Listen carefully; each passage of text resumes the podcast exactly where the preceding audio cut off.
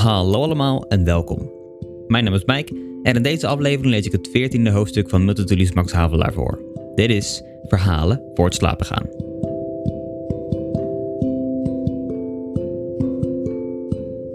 In de vorige aflevering zijn we verder gegaan met het gesprek tussen Max, Tine, Duclari en Verbrugge.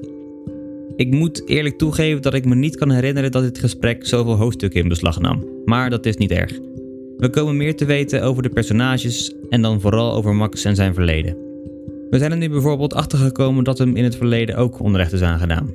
Door een kleine administratiefout hebben ze hem weg proberen te werken, omdat hij lastig was. We hebben al een tijdje niet gehoord van Droogstoppel. Je weet wel, die man die makelaar in koffie is en woont op de Lauriergracht nummer 37. Maar ik mis hem niet. In het volgende hoofdstuk gaat het gesprek verder en komen we meer te weten over Max en de situatie in Nederlands-Indië. Dit is de Max Havelaar. Veertiende hoofdstuk.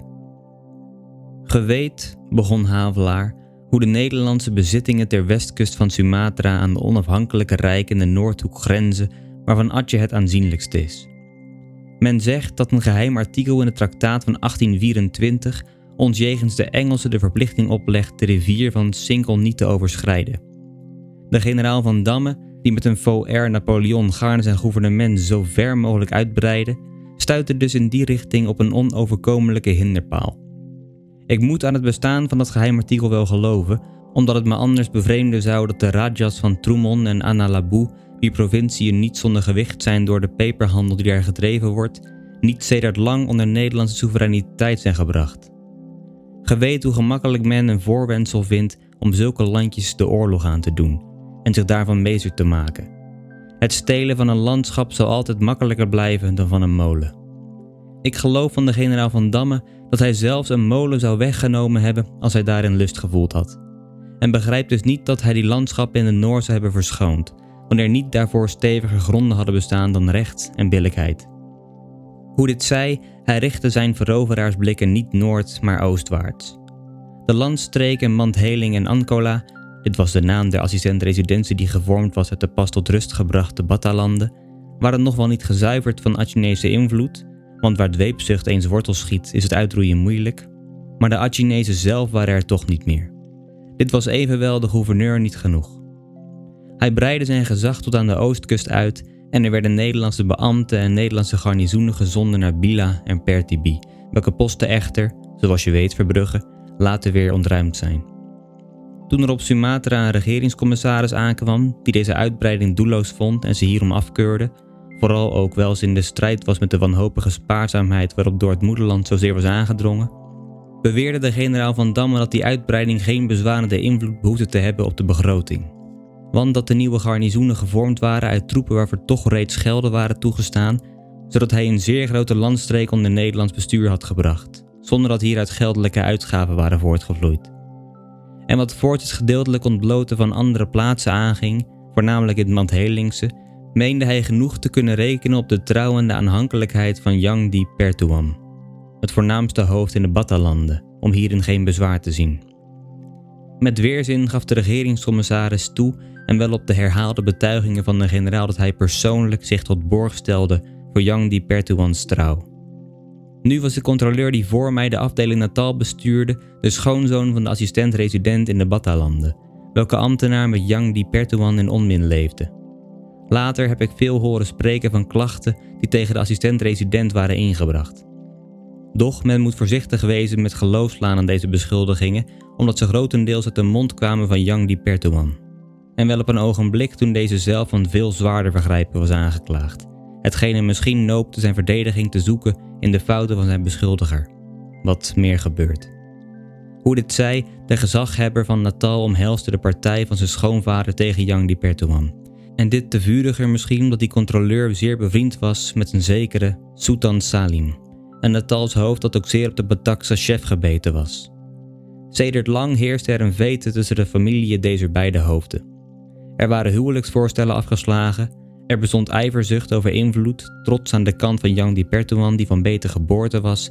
En meer andere zaken nog liepen samen om Natal en Mandheling tegen elkaar opgezet te houden. Op eenmaal verspreidde zich het gerucht dat er in Mandheling een complot was ontdekt, waarin Yang di Pertuan zou betrokken wezen, en dat ten doel had de heilige vaan des opstands uit te steken en alle Europeanen te vermoorden. De eerste ontdekking hiervan had te Natal plaatsgehad, wat natuurlijk is, daar men in de nabijliggende provincie altijd beter van de stand der zaken onderricht wordt dan op de plaats zelf.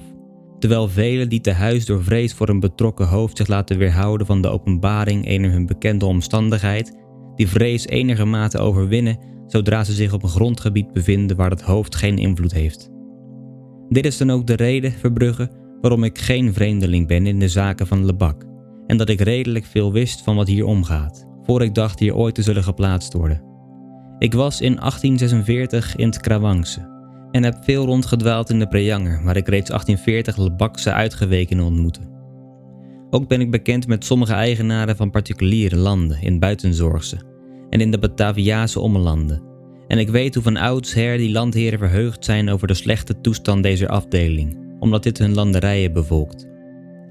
Zo ook zou dan te Natal de samenzwering ontdekt wezen, die als ze bestaan had, wat ik niet weet, Yang di Pertuan deed kennen als verrader. Volgens door de controleur van Natal afgenomen verklaringen van getuigen zou hij gezamenlijk met zijn broeder Sultan Adam de Batakse hoofden hebben doen verzamelen in een heilig bos, waarin zij zouden gezworen hebben niet te rusten voor het gezag der christenhonden in Mandheling vernietigd was. Het spreekt vanzelf dat hij hiertoe een ingeving van de hemel had ontvangen. Ge weet dat dit bij zulke gelegenheden nooit uitblijft. Of nu inderdaad het voornemen bij Yang Di Petuan bestaan heeft, kan ik niet verzekeren. Ik heb de verklaring der getuigen gelezen, doch ge zult terstond inzien waarom daaraan niet onvoorwaardelijk geloof mag worden geslagen. Zeker is het dat de man, wat zijn islamse dweepzucht aangaat, wel tot zoiets kan in staat geweest zijn. Hij was met de gehele Batakse bevolking eerst kort tevoren door die padris overgehaald tot het ware geloof, en nieuw bekeerden zijn gewoonlijk fanatiek. Het gevolg van die ware of vermeende ontdekking was dat Yang Di Pertuan door de assistent-resident van Mandheling werd gevangen genomen en naar Natal gezonden.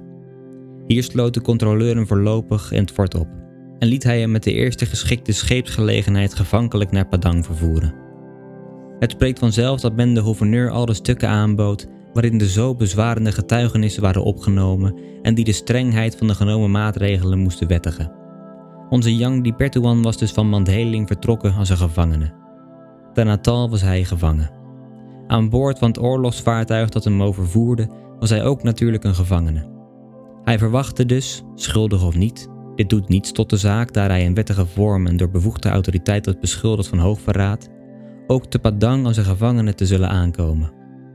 Wel moet hij dus zeer verwonderd hebben gestaan bij de ontscheping te vernemen dat hij vrij was, niet alleen, maar dat de generaal, wiens rijtuig hem bij het aan het walstappen opwachtte, het zich tot een eer rekenen zou hem bij zich aan huis te ontvangen en te herbergen. Zeker is nooit een van hoogverraad beschuldigde aangenamer verrast geworden. Kort hierop werd assistent-resident van Mandheling in zijn betrekking geschorst wegens allerlei vergrijpen die ik hier niet beoordeel. Yang Di Pertuan echter, na op Padang enige tijd ten huize van de generaal te hebben vertoefd en na door deze met de meeste onderscheiding te zijn behandeld, keerde over Natal naar Mandheling terug. Niet met het zelfgevoel van de onschuldig verklaarde, maar met de trots van iemand die zo hoog staat dat hij geen verklaring van onschuld nodig heeft. Immers onderzocht was de zaak niet. Aannemende dat men de tegen hem ingebrachte beschuldiging voor vals hield, dan had reeds dit vermoeden een onderzoek vereist ten einde de valse getuigen te straffen, en vooral hen die blijken zouden zodanige valsheid te hebben uitgelokt. Het schijnt dat de generaal zijn redenen had om dit onderzoek niet te doen plaats hebben. De tegen Yang Di Pertuan ingebrachte aanklacht werd beschouwd als non-avenue.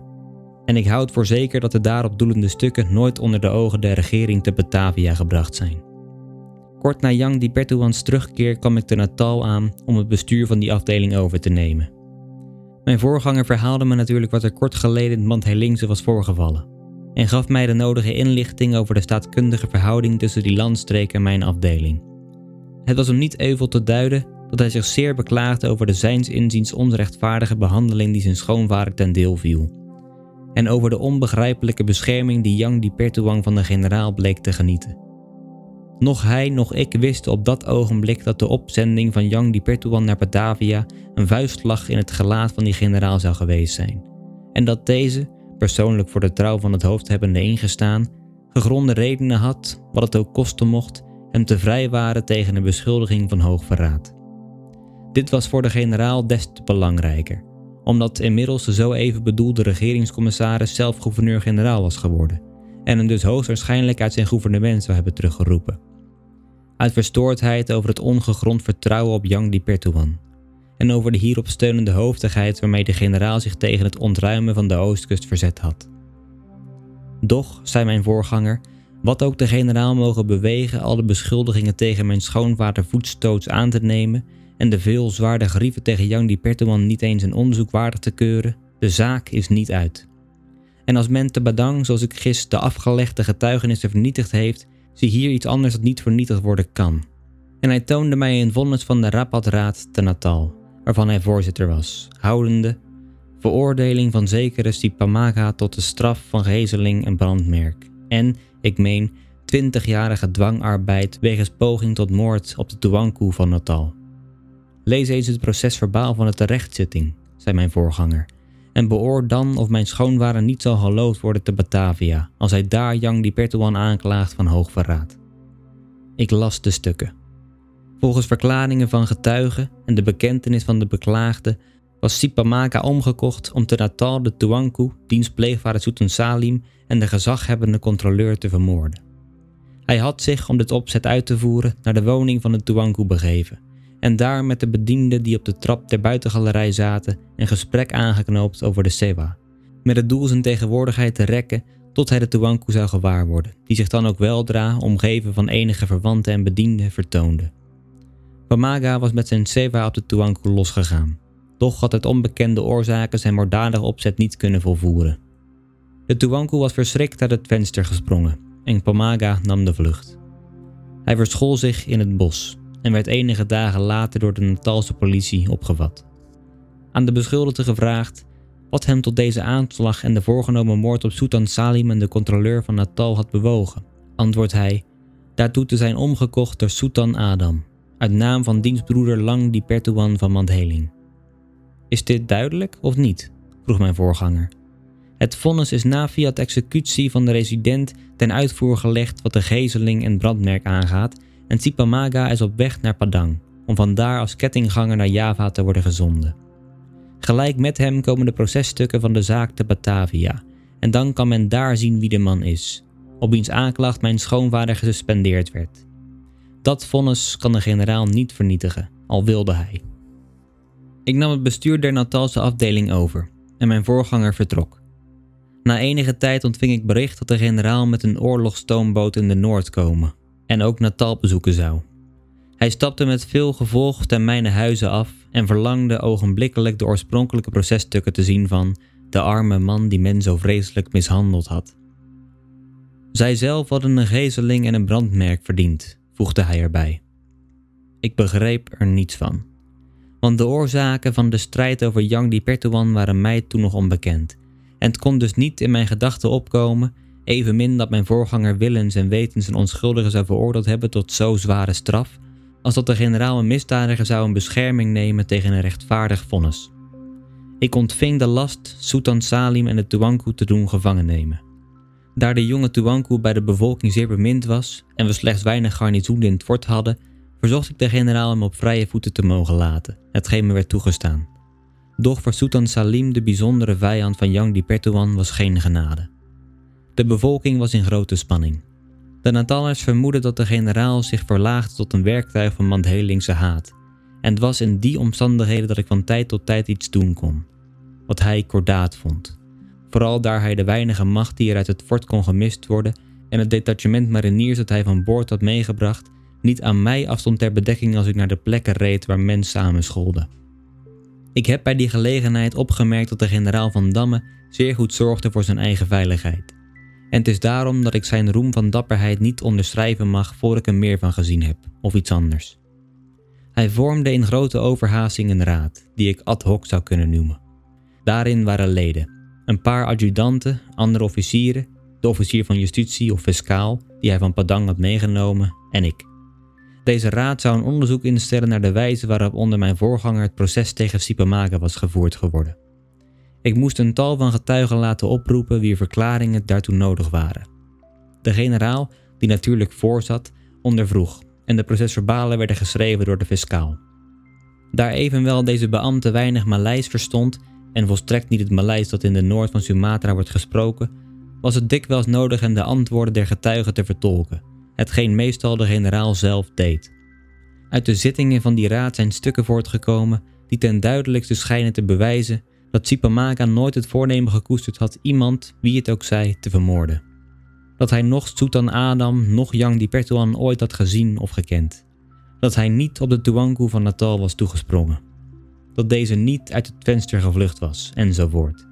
Verder dat het vonnis tegen de ongelukkige Sipamaka was geslagen onder de pressie van de voorzitter, mijn voorganger, en van het raadslid Sultan Salim, welke personen de voorgewende misdaad van Sipamaka hadden verzonnen om aan de gesuspendeerde assistent-resident van Mandheling een wapen ter zijn verdediging in de hand te stellen en om lucht te geven aan hun haat jegens Yang di Pertuan. De wijze nu waarop de generaal bij die gelegenheid ondervroeg, deed denken aan de wispartij van zekere keizer van Marokko die zijn partner toevoegde: Speel harten of ik snij je de hals af. Ook de vertalingen, zoals hij die de fiscaal in de pen gaf, lieten veel te wensen over. Of nu Sultan Salim en mijn voorganger pressie hebben uitgevoerd op de Natalse rechtsstraat om Sipamaka schuldig te verklaren, is mij onbekend. Maar wel weet ik dat de generaal van Damme pressie heeft uitgeoefend op de verklaringen die mans onschuld moesten bewijzen. Zonder op dat ogenblik nog de strekking daarvan te begrijpen heb ik me tegen die onnauwkeurigheid verzet. Hetgeen zo ver gegaan is dat ik heb moeten weigeren enige verbalen mede te ondertekenen. En zie daar nu de zaken waarin ik de generaal zo gecontrarieerd had. Ge begrijpt nu ook waarop de woorden doelen waarmee ik de beantwoording sloot van de aanmerkingen die er op mijn geldelijk beheer gemaakt waren. De woorden waarin ik verzocht van alle welwillende consideratie verschoond te blijven. Het was inderdaad zeer sterk voor iemand van uw jaren, zei Duclari. Ik vond het natuurlijk. Doch zeker is het dat de generaal van Damme niet aan zoiets gewoon was. Ik heb dan ook onder de gevolgen van die zaak veel geleden. Oh, nee, Verbrugge, ik zie wat je zeggen wilt, Berouwd heeft het me nooit. Zelfs moet ik hierbij voegen dat ik me niet zou bepaald hebben tot eenvoudig protesteren tegen de wijze waarop de generaal de getuigen ondervroeg, noch tot het weigeren mijner handtekening op enkele verbalen, indien ik toen had kunnen gissen wat ik eerst later te weten kwam, dat alles voortsproot een vooraf vastgestelde toeleg om mijn voorganger te bezwaren. Ik meende dat de generaal, overtuigd van Sipamaka's onschuld, zich liet meeslepen door de achtenswaardige zucht om een onschuldig slachtoffer te redden van de gevolgen ene rechtsdwaling, voor zover dit na de gezeling en brandmerk nog mogelijk was. Deze mening deed mij wel in verzet komen tegen valsheid, maar ik was daarover niet zo verontwaardigd als ik zou geweest zijn indien ik geweten had dat het hier geen sinds te doen was om een onschuldige te redden, maar dat deze valsheid de strekking had om ten koste van de eer en het welzijn mijns voorgangers de bewijzen te vernietigen die de politiek van de generaal in de weg stonden. En hoe ging het verder met uw voorganger? vroeg Verbrugge. Gelukkig voor hem was hij reeds naar Java vertrokken voor de generaal te Padang terugkeerde. Hij schijnt zich bij de regering te Batavia hebben kunnen verantwoorden. Althans, hij is in dienst gebleven. De resident van Ayerbangi die op het vonnis via executie verleend had, werd gesuspendeerd? Natuurlijk. Ge ziet dat ik niet zo heel onrecht had en mijn punt dicht te zeggen dat de gouverneur ons schorsend regeerde. En wat is er geworden van al die gesuspendeerde ambtenaren? Oh, er waren er nog veel meer. Alle, de een voor, de ander na, zijn in de betrekking hersteld.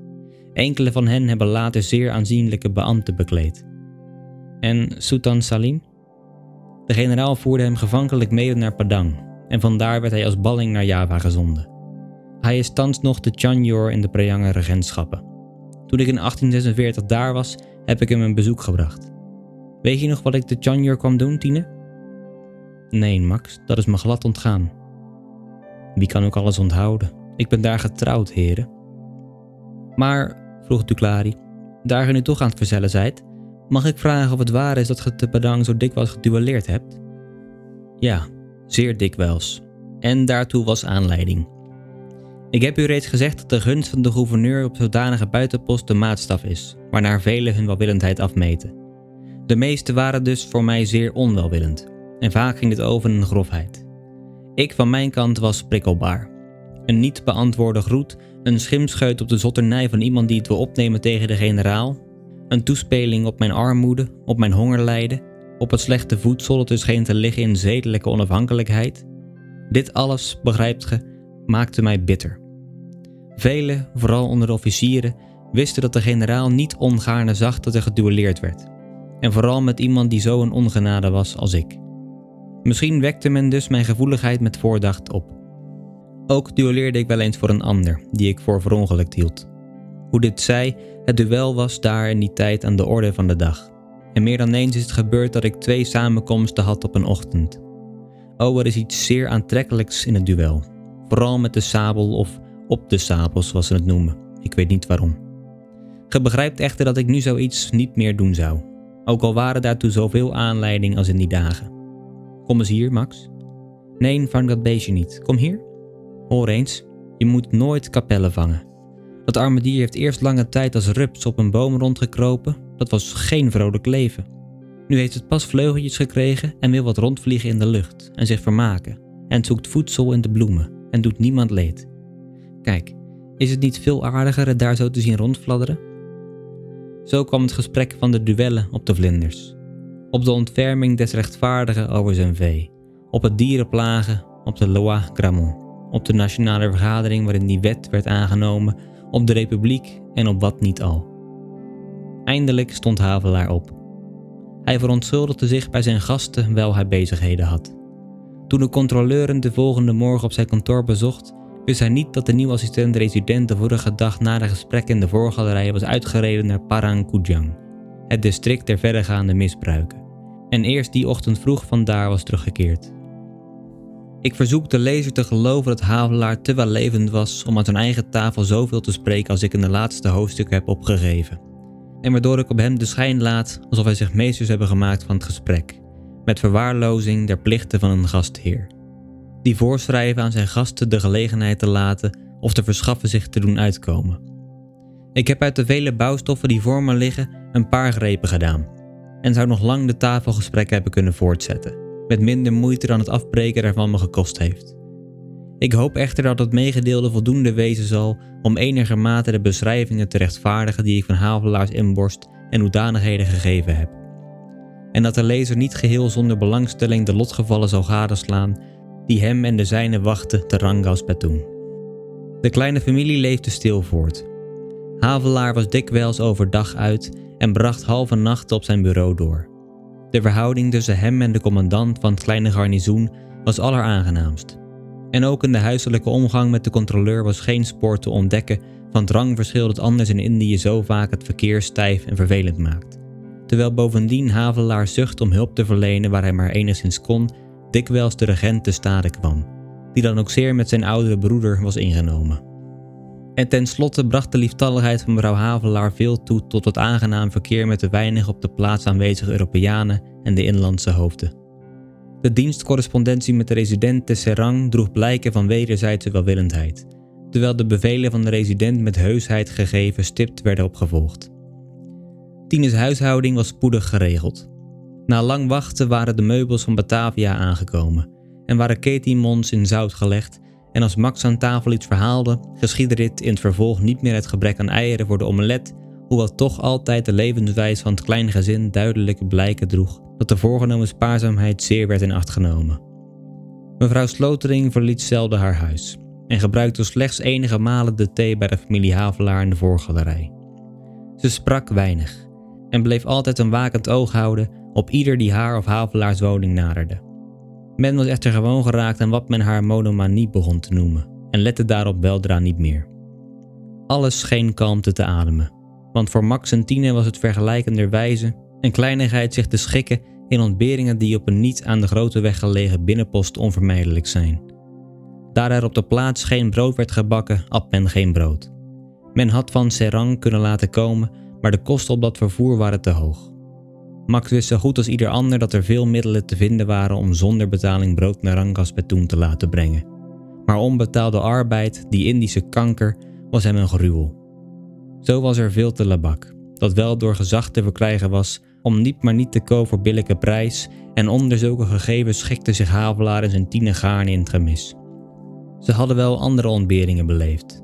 Had niet die arme vrouw maanden doorgebracht aan boord van een Arabisch vaartuig, zonder andere legersteden dan het scheepsdek, zonder andere beschutting tegen zonnehitte en westmoessonbuien, dan een tafeltje tussen welks poten ze zich moest vastklemmen? Had ze niet op dat schip zich moeten vergenoegen met een klein rantsoen droge rijst en vuil water? En was ze niet in die en vele omstandigheden altijd tevreden geweest, als ze maar mocht samenwezen met haar Max? Eén omstandigheid echter was er te Labak die haar verdriet berokkende. Kleine Max kon niet in de tuin spelen omdat daar zoveel slangen waren. Toen ze dit bemerkte en hierover zich bij Havelaar beklaagde, loofde deze aan de bediende een prijs uit voor elke slang die ze vangen zouden. Doch reeds de eerste dagen betaalde hij zoveel aan premie dat hij zijn belofte moest intrekken voor het vervolg. Want ook in gewone omstandigheden en dus zonder de voor hem zo noodzakelijke zuinigheid zou die betaling spoedig zijn middelen zijn te boven gegaan. Er werd al zo vastgesteld dat kleine Max voortaan het huis niet meer zou verlaten en dat hij zich, om frisse lucht te scheppen, vergenoegen moest met spelen in de voorgalerij. En weerwil van deze voorzorg was Tine toch altijd angstig en vooral s'avonds, daar men weet hoe slangen dikwijls in de huizen kruipen en zich, om warmte te zoeken, in de slaapkamers verbergen.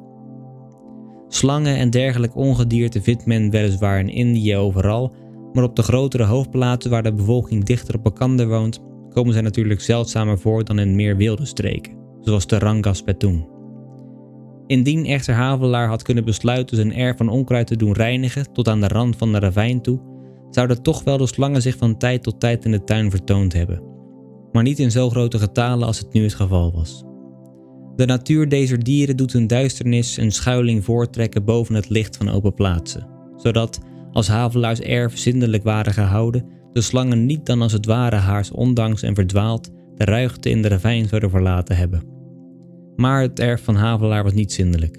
En ik wens de reden hiervan te ontwikkelen, daar zijn blik te meer doet slaan te misbruiken die bijna alom in de Nederlands-Indische bezittingen heersen.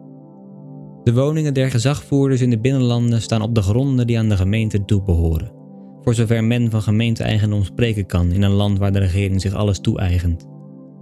Genoeg dat die erven niet toebehoren aan de ambtelijke bewoner zelf. Deze toch zou, als het het geval ware, zich wachten een grond te kopen of te huren, waarvan het onderhoud boven zijn krachten ging. Wanneer nu het erf van de hem aangewezen woning te groot is om behoorlijk te worden onderhouden, zou dit, bij de welige tropische plantengroei, binnen weinig tijd zijn een wildernis ontaarden. En toch ziet men zelden of nooit zodanig erf in slechte staat. Ja, dikwijls zelfs staat de reiziger verbaasd over het schone park dat een residentswoning omringt. Geen beambte in de binnenlanden heeft inkomen genoeg om de hiertoe nodige arbeid te doen verrichten tegen behoorlijke betaling. En daar nu toch een deftig aanzien van de woning des gezaghebbers een vereiste is, opdat niet de bevolking die zoveel hecht aan uiterlijkheden in slordigheid grond vinden voor minachting, doet zich de vraag op hoe dan dit doel bereikt wordt. Op de meeste plaatsen hebben de gezaghebbers de beschikking over enige kettinggangers. Dat zijn elders veroordeelde misdadigers.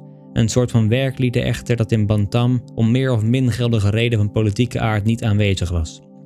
Doch, ook op plaatsen waar zich wel zodanige veroordeelden bevinden, is hun aantal, vooral met het oog op de behoefte aan andere arbeid, zelden in evenredigheid met het werk dat zou vereist worden tot het goed onderhouden van een groot erf.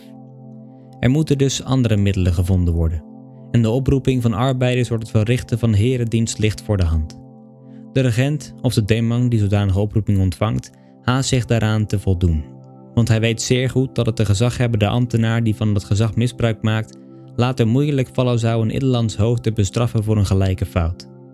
En alzo strekt het vergrijp van de een tot vrijbrief voor de ander. Het komt mij echter voor dat dusdanige fout van een gezaghebber in sommige gevallen niet al te streng en vooral niet naar Europese begrippen moet worden beoordeeld. De bevolking zelf toch zou het, misschien het ongewoonte, zeer vreemd vinden als hij altijd en in alle gevallen zich stipt hield aan de bepalingen die het getal der voor zijn erf bestemde herendienstplichtigen voorschrijven daar er omstandigheden kunnen voorkomen die bij deze bepalingen niet waren voorzien. Maar zodra eenmaal de grens van strikt wettig is overschreden, wordt het moeilijk een punt vast te stellen waarop zodanige overschrijding zou overgaan in misdadige willekeur. En vooral wordt grote omzichtigheid nodig zodra men weet dat de hoofden alleen wachten op een slecht voorbeeld, om dat met verregaande uitbreiding na te volgen. De vertelling over zekere koning die niet wilde dat men de betaling verzuimde van één korrel zout die hij bij zijn eenvoudig maal gebruikt had, toen hij aan het hoofd zijn legers het land doortrok, omdat naar hij zeide dit het begin was van een onrecht dat ten laatste zijn geheel rijk zou vernietigen, hij mogen dan Timurleng, Nureddin of Genghis Khan geheten hebben, zeker is of die fabel, of als het geen fabel is, het voorval zelf van Aziatische oorsprong. En even als het aanschouwen van zeedijken aan de mogelijkheid van hoogwater doet geloven, mag men aannemen dat er neiging bestaat tot zulke misbruiken in een land waar zulke lessen worden gegeven. Het gering getal lieden nu waarover Havelaar wettig beschikken mocht, konden niet dan slechts een zeer klein gedeelte van zijn erf, in de onmiddellijke nabijheid der woning, van onkruid en kreupelhout vrijhouden. Het overige was binnen weinig weken een volslagen wildernis. Havelaar schreef aan de resident over de middelen om hierin te voorzien, het zij door een geldelijke toelage, het zij door aan de regering voor te stellen, evenals elders kettinggangers in de residentie Bantam te doen arbeiden. Hij ontving hierop een weigerend antwoord, met de opmerking dat hij immers het recht had de personen die door hem bij politievollens waren veroordeeld tot arbeid aan de publieke weg op zijn erf te werk te stellen. Dit wist Havelaar wel, althans het was hem meer dan voldoende bekend dat zodanige beschikking over gekondemneerden overal de gewoonste zaak van de wereld was, maar nooit had hij, noch te Rangaspetung, noch te Amboina, noch te Menado, noch te Natal van dat vermeend recht willen gebruik maken. Het stuitte hem zijn tuin te laten onderhouden als boete voor kleine vergrijpen. En meermalen had hij zich afgevraagd hoe de regering bepalingen kon laten bestaan die de ambtenaar in bezoeking kunnen brengen kleine verschoonbare fouten te straffen, niet in evenredigheid met het vergrijp, maar met de toestand of de uitgestrektheid van zijn erf. Het denkbeeld alleen dat de gestrafte, ook zelfs hij die rechtvaardig gestraft was, vermenen zou dat er eigen belang schelde onder het geslagen vonnis, deed hem waar hij straffen moest altijd de voorkeur geven aan de anders zeer afkeurenswaardige opsluiting. En vandaar kwam het dat kleine Max niet spelen mocht in de tuin. En dat ook Tine van de bloemen niet zoveel genoegen smaakte als ze zich had voorgesteld op de dag van haar aankomst te Rangas. Het spreekt vanzelf dat deze en dergelijke kleine verdienstelijkheden geen invloed uitoefenden op de stemming van een gezin dat zoveel bouwstoffen bezat om zich een gelukkig huiselijk leven te verschaffen. En het was dan ook niet toe te schrijven aan zulke kleinigheden wanneer Havelaar soms met een bewolkt voorhoofd binnentrad bij het terugkeren van een uitstap, of na het aanhoren van deze en gene die verzocht hadden hem te spreken.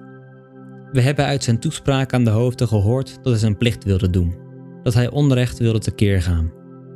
En tevens hoop ik dat de lezer uit de gesprekken die ik meedeelde hem heeft leren kennen als iemand die wel in staat was iets uit te vinden en tot klaarheid te brengen, dat voor sommige anderen verborgen was of in het duister lag.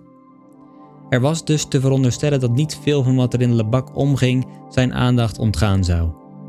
Ook zagen we dat hij vele jaren vroeger op die afdeling gelet had, zodat hij reeds de eerste dag, toen Verbrugge hem ontmoette in de Pendoppo waar mijn verhaal aanvangt, toonde in zijn nieuwe werking geen vreemdeling te zijn. Hij had door nasporing op de plaatsen zelf veel bevestigd gevonden van wat hij vroeger vermoedde. En vooral uit het archief was hem gebleken dat de landstreker van het bestuur aan zijn zorg was toevertrouwd werkelijk in een hoogst treurige toestand verkeerde. Uit brieven en aantekeningen van zijn voorganger bemerkte hij dat deze dezelfde opmerkingen gemaakt had. De correspondentie met de hoogte bevatte verwijt op verwijt, bedreiging op bedreiging, en deed zeer goed begrijpen hoe die ambtenaar ten laatste zou gezegd hebben zich rechtstreeks tot de regering te zullen wenden, indien niet aan die stand van zaken een einde werd gemaakt. Toen Verbrugge dit een Havelaar meedeelde, had deze geantwoord dat zijn voorganger daaraan verkeerd zou gedaan hebben. Daar de assistent-resident van Lebak in geen geval de resident van Bantam mocht voorbijgaan. En hij had daarbij gevoegd dat het ook door volstrekt niet zouden gewettigd zijn, daar het toch niet te denken was dat die hoge beambte partij zou trekken voor afpersing en knevelarij. Zodanig partijtrekken was dan ook waarlijk niet te veronderstellen in de zin zoals Havelaar bedoelde. Niet namelijk alsof de resident enig voordeel of gewin uit een deel vallen van de vergrijpen. Doch wel bestond er een oorzaak die hem bewoog niet dan zeer ongaarne op de klachten van Havelaars voorganger recht te doen. We hebben gezien hoe die voorganger meermalen met de resident over de heersende misbruiken had gesproken. Geaboucheerd, zei Verbrugge. En hoe weinig hem dit gebaat had. Het is dus niet van belang ontbloot te onderzoeken waarom een zo hoog geplaatst ambtenaar, die als hoofd van de gehele residentie evenzeer als de assistent-resident, ja, meer nog dan deze, gehouden was te zorgen dat er recht geschiedde bijna altijd reden menen te hebben om de loop van het recht te stuiten. Reeds te Serang, toen Havelaar daar ten huize van de resident vertoefde, had hij deze over de Labakse misbruiken gesproken. en hierop ten antwoord bekomen dat dit alles in meer of mindere mate overal het geval was. Dit nu kon Havelaar niet ontkennen. Wie toch zou beweren een land te hebben gezien waar niets verkeerds geschiet. Maar hij meende dat dit geen beweegreden was om misbruiken waar men die vond te laten bestaan. Vooral niet wanneer men uitdrukkelijk tot het tegengaan daarvan geroepen was. En tevens dat, na al wat hij van Lebak wist, hier geen spraak was van meer of mindere, doch van zeer grote maat, waarop de resident hem onder andere antwoordde dat het in de afdeling Chiringin, ook tot Pantam behorende, nog erger gesteld was. Wanneer men nu aanneemt, zoals men aannemen kan, dat een resident geen rechtstreeks voordeel heeft van afpersing en van willekeurig beschikken over de bevolking, doet zich de vraag op wat dan zoveel beweegt in tegenspraak met eed en plicht zulke misbruiken te laten bestaan, zonder daarvan aan de regering kennis te geven. En wie hierover nadenkt, moet het al zeer vreemd vinden dat men zo koelbloedig het bestaan van die misbruiken erkent, als ware er sprake van iets dat buiten bereik op bevoegdheid lag. Ik zal trachten de oorzaken hiervan te ontwikkelen. In het algemeen reeds is het overbrengen van slechte tijdingen iets onaangenaams. En het schijnt wel of er van de ongunstige indruk die ze veroorzaken iets blijft kleven op wie de verdrietige taak de beurt viel zulke tijdingen mee te delen. Wanneer nu dit alleen reeds voor sommigen een reden zou wezen om tegen beter weten aan het bestaan van iets ongunstigs te ontkennen, hoeveel te meer dan wordt er het geval wanneer men gevaar loopt niet alleen zich de ongenade op de hals te halen die nu eenmaal aan het lot schijnt des overbrengen van slechte berichten, doch tevens als de oorzaak te worden aangezien van de ongunstige toestand die men plichtshalve openbaart. De regering van Nederlands-Indië schrijft bij voorkeur aan haar meester Sint-Moederland dat alles naar wens gaat. De residenten melden dit gaarne aan de regering. De assistenten-residenten, die zelf van hun controleurs bijna niet dan gunstig berichten ontvangen, zenden ook op hun beurt liefst geen onaangename tijdingen aan de residenten. Hieruit wordt in officiële en schriftelijke behandeling der zaken een gekunsteld optimismus geboren. In tegenspraak niet alleen met de waarheid, maar ook met de eigen mening van de optimisten zelf, zodra zij dezelfde zaken mondeling behandelen. En, nog vreemder, dikwijls zelfs in tegenspraak met hun eigen geschreven berichten. Ik zou voorbeelden kunnen aanhalen van rapporten die de gunstige toestand van de residentie ten hoogste verheffen, doch tegelijkertijd, vooral waar de cijfers spreken, zichzelf straffen. Deze voorbeelden zouden, als niet de zaak om de eindelijke gevolgen te ernstig waren, aanleiding geven tot lach en spot. En men staat verbaasd over de naïviteit waarmee vaak in zodanig geval de grofste onwaarheden worden staande gehouden en aangenomen. Al biedt dan ook de schrijver zelf weinig zinsneden verder de wapens aan waarmee die onwaarheden te bestrijden zijn. Ik zal me tot een enkel voorbeeld bepalen, dat ik met zeer vele zou kunnen vermeerderen. Onder de stukken die voor me liggen vind ik het jaarverslag van een residentie. De resident doet de handel die daar bloeit en beweert dat in de gehele landstreek de grootste welvaart en bedrijvigheid worden waargenomen. Een weinig verder evenwel, sprekend over de geringe middelen die hem ten dienste staan om sluikerij te weren, wil hij terstond de onaangename indruk wegnemen die op de regering zou worden teweeggebracht door de mening dat er dus in die residentie veel inkomend recht wordt ontdoken. Nee, zegt hij, daarvoor behoeft men niet bezorgd te zijn. Er wordt in mijn residentie weinig of niets ingevoerd ter sluik, want er gaat in deze streken zo weinig om dat niemand hier zijn kapitaal in de handel wagen zou. Ik heb een dergelijk verslag gelezen dat aanving met de woorden: In het afgelopen jaar is de rust rustig gebleven. Zulke zinsneden getuigen wel van een zeer rustige gerustheid op de inschikkelijkheid van de regering voor ieder die er onaangename tijdingen spaart, of die, zoals de term luidt, haar niet bemoeielijkt met verdrietige berichten. Waar de bevolking niet toeneemt, is dit toe te schrijven aan onjuistheid der tellingen van vorige jaren. Waar de belastingen niet stijgen, maakt men zich daarvan een verdienste. De bedoeling is door lage aanslag de landbouw aan te moedigen, die zich juist nu gaat ontwikkelen, en weldra liefst als de berichtgever zal afgetreden zijn, onbegrijpelijke vruchten moet afwerpen. Waar onordelijkheid heeft plaatsgehad die niet verborgen blijven kon, was dit het werk van enige weinige kwalijk gezinden die voor het vervolg niet meer te vrezen zijn, daar er een algemene tevredenheid heerst. Waar gebrek of hongersnood de bevolking heeft gedund, was dit een gevolg van misgewas, van droogte, regen of zoiets, nooit van wanbestuur. De nota van Havelaars voorganger, waarin deze het verloop van volk uit het district Parang Kujang toeschreef aan verregaand misbruik, ligt voor mij.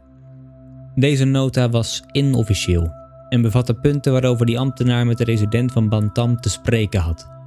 Maar vergeefs zocht Havelaar in het archief naar een blijk dat zijn voorganger diezelfde zaak ruiterlijk bij de ware naam had genoemd in een openbare dienstmissieve. Kortom, de officiële berichten van de beambten aan het gouvernement en dus ook de daarop gegronde rapporten aan de regering in het Boeteland zijn voor het grootste en belangrijkste gedeelte onwaar. Ik weet dat deze beschuldiging gewichtig is. Doch houd die staande en voel me volkomen in staat haar met bewijzen te staven. Wie verstoord mocht zijn over dit onbewimpeld uiten mijner mening, bedenken hoeveel miljoenen schats en hoeveel mensenlevens zouden gespaard zijn aan Engeland, en die men daar tijdig de ogen der natie voor de ware toedracht der zaken in Brits-Indië geopend had. En hoe grote dankbaarheid men zou schuldig geweest zijn aan de man die de moed had getoond de Jobsbode te wezen voor het te laat waren geweest om het verkeerde te herstellen op minder bloedige wijze dan nu wel noodzakelijk geworden was. Ik zeide mijn beschuldiging te kunnen staven. Waar het nodig is, zal ik aantonen dat er vaak hongersnood heerste in streken die geroemd werden als toonbeelden van welvaart, en dat meermalen een bevolking die als rustig en tevreden wordt opgegeven, op het punt stond uit te bersten in woede.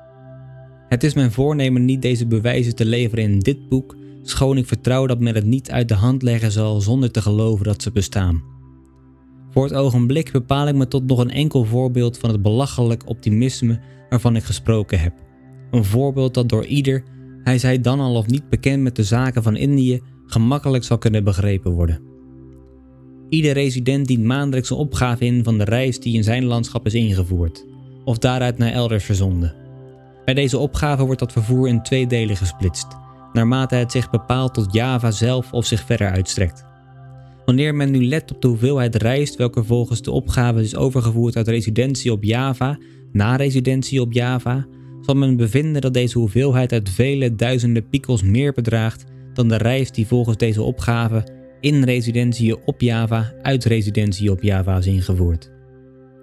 Ik ga nu met stilzwijgen voorbij wat men te bedenken hebben van het doorzicht der regering die zulke opgaven aanneemt en publiceert, en wil de lezer alleen opmerkzaam maken op de strekking van deze valsheid. De procentsgewijze beloning aan Europese en inlandse beambten voor producten die in Europa moeten verkocht worden, had de reisbouw zodanig op de achtergrond gesteld dat er in sommige streken een hongersnood geheerst heeft niet voor de ogen der natie weggegoocheld worden kon. Ik heb reeds gezegd dat er toen voorschriften zijn gegeven die zaken niet weten te laten komen tot zover. Tot de vele uitvloeisels van deze voorschriften behoorde ook de door mij genoemde opgave van uit- en ingevoerde rijst, opdat de regering voortdurend het oog houden kon op de ebbe en de vloed van dat levensmiddel. Uitvoer uit de residentie stelt welvaart voor, invoer betrekkelijk gebrek. Wanneer men nu die opgave onderzoekt en vergelijkt, blijkt daaruit dat de rijst overal zo overvloedig is dat alle residentieën tezamen meer rijst uitvoeren dan er in alle residentieën tezamen wordt ingevoerd. Ik herhaal dat hier geen sprake is van uitvoer over zee, waarvan de opgave afzonderlijk plaats heeft. De slotsom hiervan is dus de ongerijmde stelling dat er op Java meer rijst is dan er rijst is. Dat is toch welvaart. Ik zeide reeds dat de zucht om nooit andere dan goede berichten aan de regering mee te delen zou overgaan in het belachelijke, als niet de gevolgen van dit alles zo treurig waren. Welke verbetering immers is er te hopen van veel verkeerds als er een vooraf bepaald voornemen bestaat in de berichten aan het bestuur alles om te buigen en te verdraaien? Wat is er bijvoorbeeld te verwachten van een bevolking die uit de aard zacht en gedwee sedert jaren, jaren klaagt over onderdrukking, als zij de ene resident voor, de andere na ziet aftreden met verlof of met pensioen, of wegroepen tot een ander ambt, zonder dat er iets geschied is tot herstel der grieven waaronder ze gebukt gaat. Moet niet de gebogen veer eindelijk terugspringen?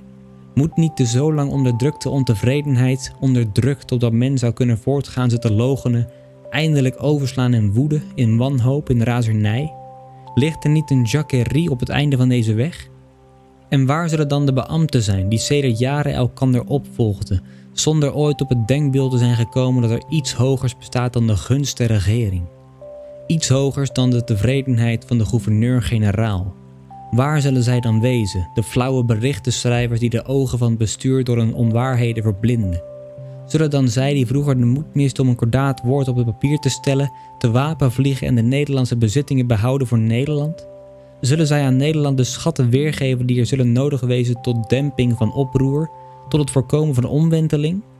Zullen zij het leven weergeven aan de duizenden die er vielen door een schuld? En die ambtenaren, die controleurs en residenten, zijn niet de meest schuldigen. Het is de regering zelf die, als geslagen met onbegrijpelijke blindheid, het indienen van gunstige berichten aanmoedigt, uitlokt en beloont. Vooral is dit het geval waar sprake is van onderdrukking der bevolking door inlandse hoofden. Door velen wordt het beschermen van de hoofden toegeschreven aan de onedele berekening dat zij pracht en praal moeten tentoonspreiden om op de bevolking de invloed uit te oefenen die de regering nodig heeft om haar gezag staande te houden, daartoe een veel hoger bezoldiging zouden moeten genieten dan thans het geval is, wanneer men er niet de vrijheid liet het ontbrekende aan te vullen door onwettige beschikking over de bezittingen en de arbeid van het volk. Hoe dit zij, de regering gaat niet dan noden over tot het toepassen der bepalingen die de Javaan tegen afpersing en roof weten te beschermen. Meestal weet men een onbeoordeelbare en vaak uit de lucht gegrepen redenen van staatkunde een oorzaak te vinden om die regent of dat hoofd te sparen. En het is dan ook in die een tot spreekwoord geëikte mening dat het gouvernement liever tien residenten zou ontslaan dan één regent. Ook die voorgewende politieke redenen, als ze op iets gevestigd zijn, steunen gewoonlijk op valse opgaven, daar ieder resident belang heeft bij het verheffen van de invloed van de regenten op de bevolking, om daarachter zich te verschuilen als er later eenmaal aanmerking mocht vallen op de grote inschikkelijkheid omtrent die hoofden. Ik ga nu de afschuwelijke huichelarij voorbij van de menslievend luidende bepalingen en van de ede, die de Javaan tegen willekeur beschermen, op het papier, en verzoek de lezer zich te herinneren hoe Havelaar bij het naspreken van die ede iets te kennen gaf dat denken deed aan minachting. Het ogenblik wil ik alleen wijzen op het moeilijke van de toestand des mans die, geheel anders dan het kracht in een uitgesproken formule, zich gebonden achtte aan zijn plicht. En voor hem was deze moeilijkheid groter nog dan ze voor sommige anderen zou geweest zijn, omdat zijn gemoed zacht was. Geheel in tegenspraak met zijn doorzicht dat de lezer nu wel als vrij scherp zal hebben leren kennen. Hij had dus niet alleen te strijden met vrees voor mensen of met de zorg voor loopbaan en bevordering, noch ook alleen met de plichten die hij als echtgenoot en huisvader te vervullen had. Hij moest een vijand overwinnen in zijn eigen hart. Hij kon niet zonder lijden leed zien. En het zou mij te ver leiden als ik de voorbeelden wilde aanvoeren hoe hij immer, ook waar hij gekrenkt en beledigd was, de partij van een tegenstander beschermde tegen zichzelf. Hij verhaalde aan Duclari en Verbrugge hoe hij in zijn jeugd iets aantrekkelijks had gevonden in het duel met de sabel, in hetgeen de waarheid was. Doch hij zei er niet bij hoe hij na het wonden van zijn tegenpartij gewoonlijk schreide en zijn gewezen vijand als een liefdezuster verpleegde tot de genezing toe. Ik zou kunnen verhalen hoe hij ten Natal de kettingganger die op hem geschoten had bij zich nam, de man vriendelijk toesprak, hem voeden liet en vrijheid gaf boven alle anderen. Omdat hij meende te ontdekken dat de verbittering van die veroordeelde het gevolg was van een elders geslagen te streng vonnis. Gewoonlijk werd de zachtheid van zijn gemoed of ontkend of belachelijk gevonden. Ontkend door wie zijn hart verwarde met zijn geest. Belachelijk gevonden door wie niet begrijpen kon hoe een verstandig mens zich moeite gaf om een vlieg te redden, die vastgeraakt was in het web ener spin. Ontkend weder door ieder, buiten Tine, die hem daarna hoorde schimpen op die domme dieren en op de domme natuur die zulke dieren schiep. Maar nog een andere wijze bestond er, om hem neer te halen van het voetstuk waarop zijn omgeving, men mocht hem beminnen of niet, wel gedwongen was hem te plaatsen. Ja, hij is geestig, maar er is vluchtigheid in zijn geest. Of hij is verstandig, maar hij gebruikt zijn verstand niet goed. Of ja, hij is goedhartig, maar hij koketteert ermee. Voor zijn geest, voor zijn verstand trek ik geen partij.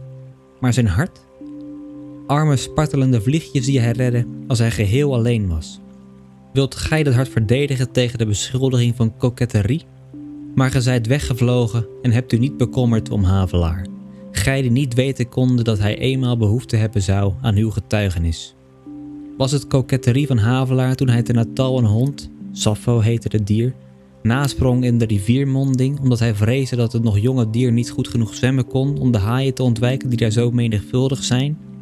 Ik vind zulk koketteren met goedhartigheid moeilijker te geloven dan de goedhartigheid zelf. Ik roep u op, de velen die Havelaar gekend hebt, wanneer ge niet verstijfd zijt door winterkou en dood, als de geredde vliegen of verhoogd door de hitte daarginds onder de linie. Ik roep u op om getuigenis te geven van zijn hart, gij die hem hebt gekend. Thans vooral roep ik u op met vertrouwen, omdat ge niet meer nodig hebt te zoeken waar de korp moet worden ingehaakt om hem neer te halen van welke luttele hoogte ook. Intussen, hoe bont het schijnen, zal ik hier plaats geven aan enige regels van zijn hand, die zulke getuigenissen misschien overbodig maken. Max was eens verre, verre weg van vrouw en kind. Hij had haar in Indië moeten achterlaten en bevond zich in Duitsland. Met de vlugheid die ik hem toeken, doch die ik niet in bescherming neem als mensen mocht willen aantasten, maakte hij zich meester van de taal des lands waar hij enige maanden verkeerd had. Zie hier die regels die tegelijkertijd de innigheid schetsen van de band die hem aan de zijne hechtte. Ja, op het gevaar af van bond te schijnen, heb ik aan de regels hier plaats gegeven.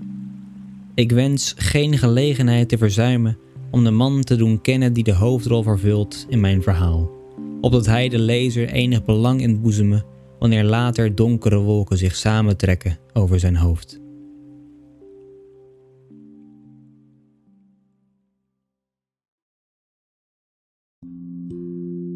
Dat was hoofdstuk 14. Het was een lange zit, maar het gesprek tussen Max, Duclari, Tine en Verbrugge is voorbij. In het laatste gedeelte komen we meer te weten over een soort rechtszaak. Iemand wordt verdacht van moord, maar generaal Van Damme gaat er volgens Max iets te makkelijk vanuit dat hij onschuldig is. Max weet niet of de verdachte schuldig is of niet, maar als lezer krijgen we zowel te weten dat hij eerst alle bewijzen wil zien voor hij iemand wel of niet veroordeelt. Het feit dat Van Damme te makkelijk met de zaak omging, zorgde ervoor dat Max hier tegenin ging, waardoor Van Damme hem wegstuurde. In het laatste gedeelte van het gesprek komen we dus weer te weten dat Max alles opzij zet voor rechtvaardigheid. In de rest van het hoofdstuk is de verteller aan het woord, Stern. Hij vertelt dat Tine gelukkig is, buiten het feit dat de kleine Max niet in de tuin kan spelen, door de slangen. Vervolgens legt Stern uit hoe dit komt en zien we wederom hoe de Javaan wordt uitgebuit. Voor de kleinste dingetjes worden de Javanen namelijk gestraft door de tuinen van de gezagshebbenden te verzorgen. Max weigert echter deze straffen op te leggen, waardoor zijn tuin de perfecte plek voor slangen is. Dit is dus wederom een opoffering van Max voor, je raadt het al, rechtvaardigheid. Het laatste gedeelte van het hoofdstuk gaat over het zwijgen van de ambtenaren. Hierin zien we als lezer dat men zeker wel op de hoogte is van het onrecht en de slechte zaken, maar dat het vertikken om dit te zeggen, omdat dit voor hen alleen maar tot moeilijkheden kan leiden. Javaan is de dupe van de laksheid van de Nederlander. Helemaal op het eind is er nog een gedicht dat Max Havelaar heeft geschreven, waarin een zoontje en zijn moeder het hebben over gevoel, pijn, schoonheid, vuurvliegjes en sterren. Het was echter in het Duits. En ik heb het geprobeerd voor te lezen, maar ik wil uiteindelijk de pijn zowel voor jullie als voor mij besparen. Dus mocht je dat gedicht nog willen lezen, zoek hem dan online nog eventjes op. Dit hele hoofdstuk was er dus voor om nog eens de onrechtvaardigheid in Nederlands-Indië aan te kaarten. Het is het opzetje voor de laatste zes hoofdstukken van de roman. In het volgende hoofdstuk gaan we zien wat Max allemaal gaat doen om het onrecht te bestrijden. Voor ik afsluit nog één dingetje. Het luisteren van de podcast is gratis, maar het maken is dat niet. Natuurlijk vind ik het hartstikke leuk om te doen. Maar mocht je bij willen dragen aan de verbetering van zowel de inhoud als de kwaliteit van de podcast, dan kan dat via PayPal of Kofi. De link daarvoor staat in de beschrijving. En een deel van de donaties komt ook weer bij jullie terug in de vorm van bijvoorbeeld giveaways en andere leuke prijzen. Ik wil jullie hartstikke bedanken voor het luisteren naar deze podcast. Voor achter de schermen, updates, vragen of opmerkingen kun je me vinden op Instagram of Facebook onder de naam Verhalen voor slapen gaan. En dan zie slash hoor ik jullie volgende week.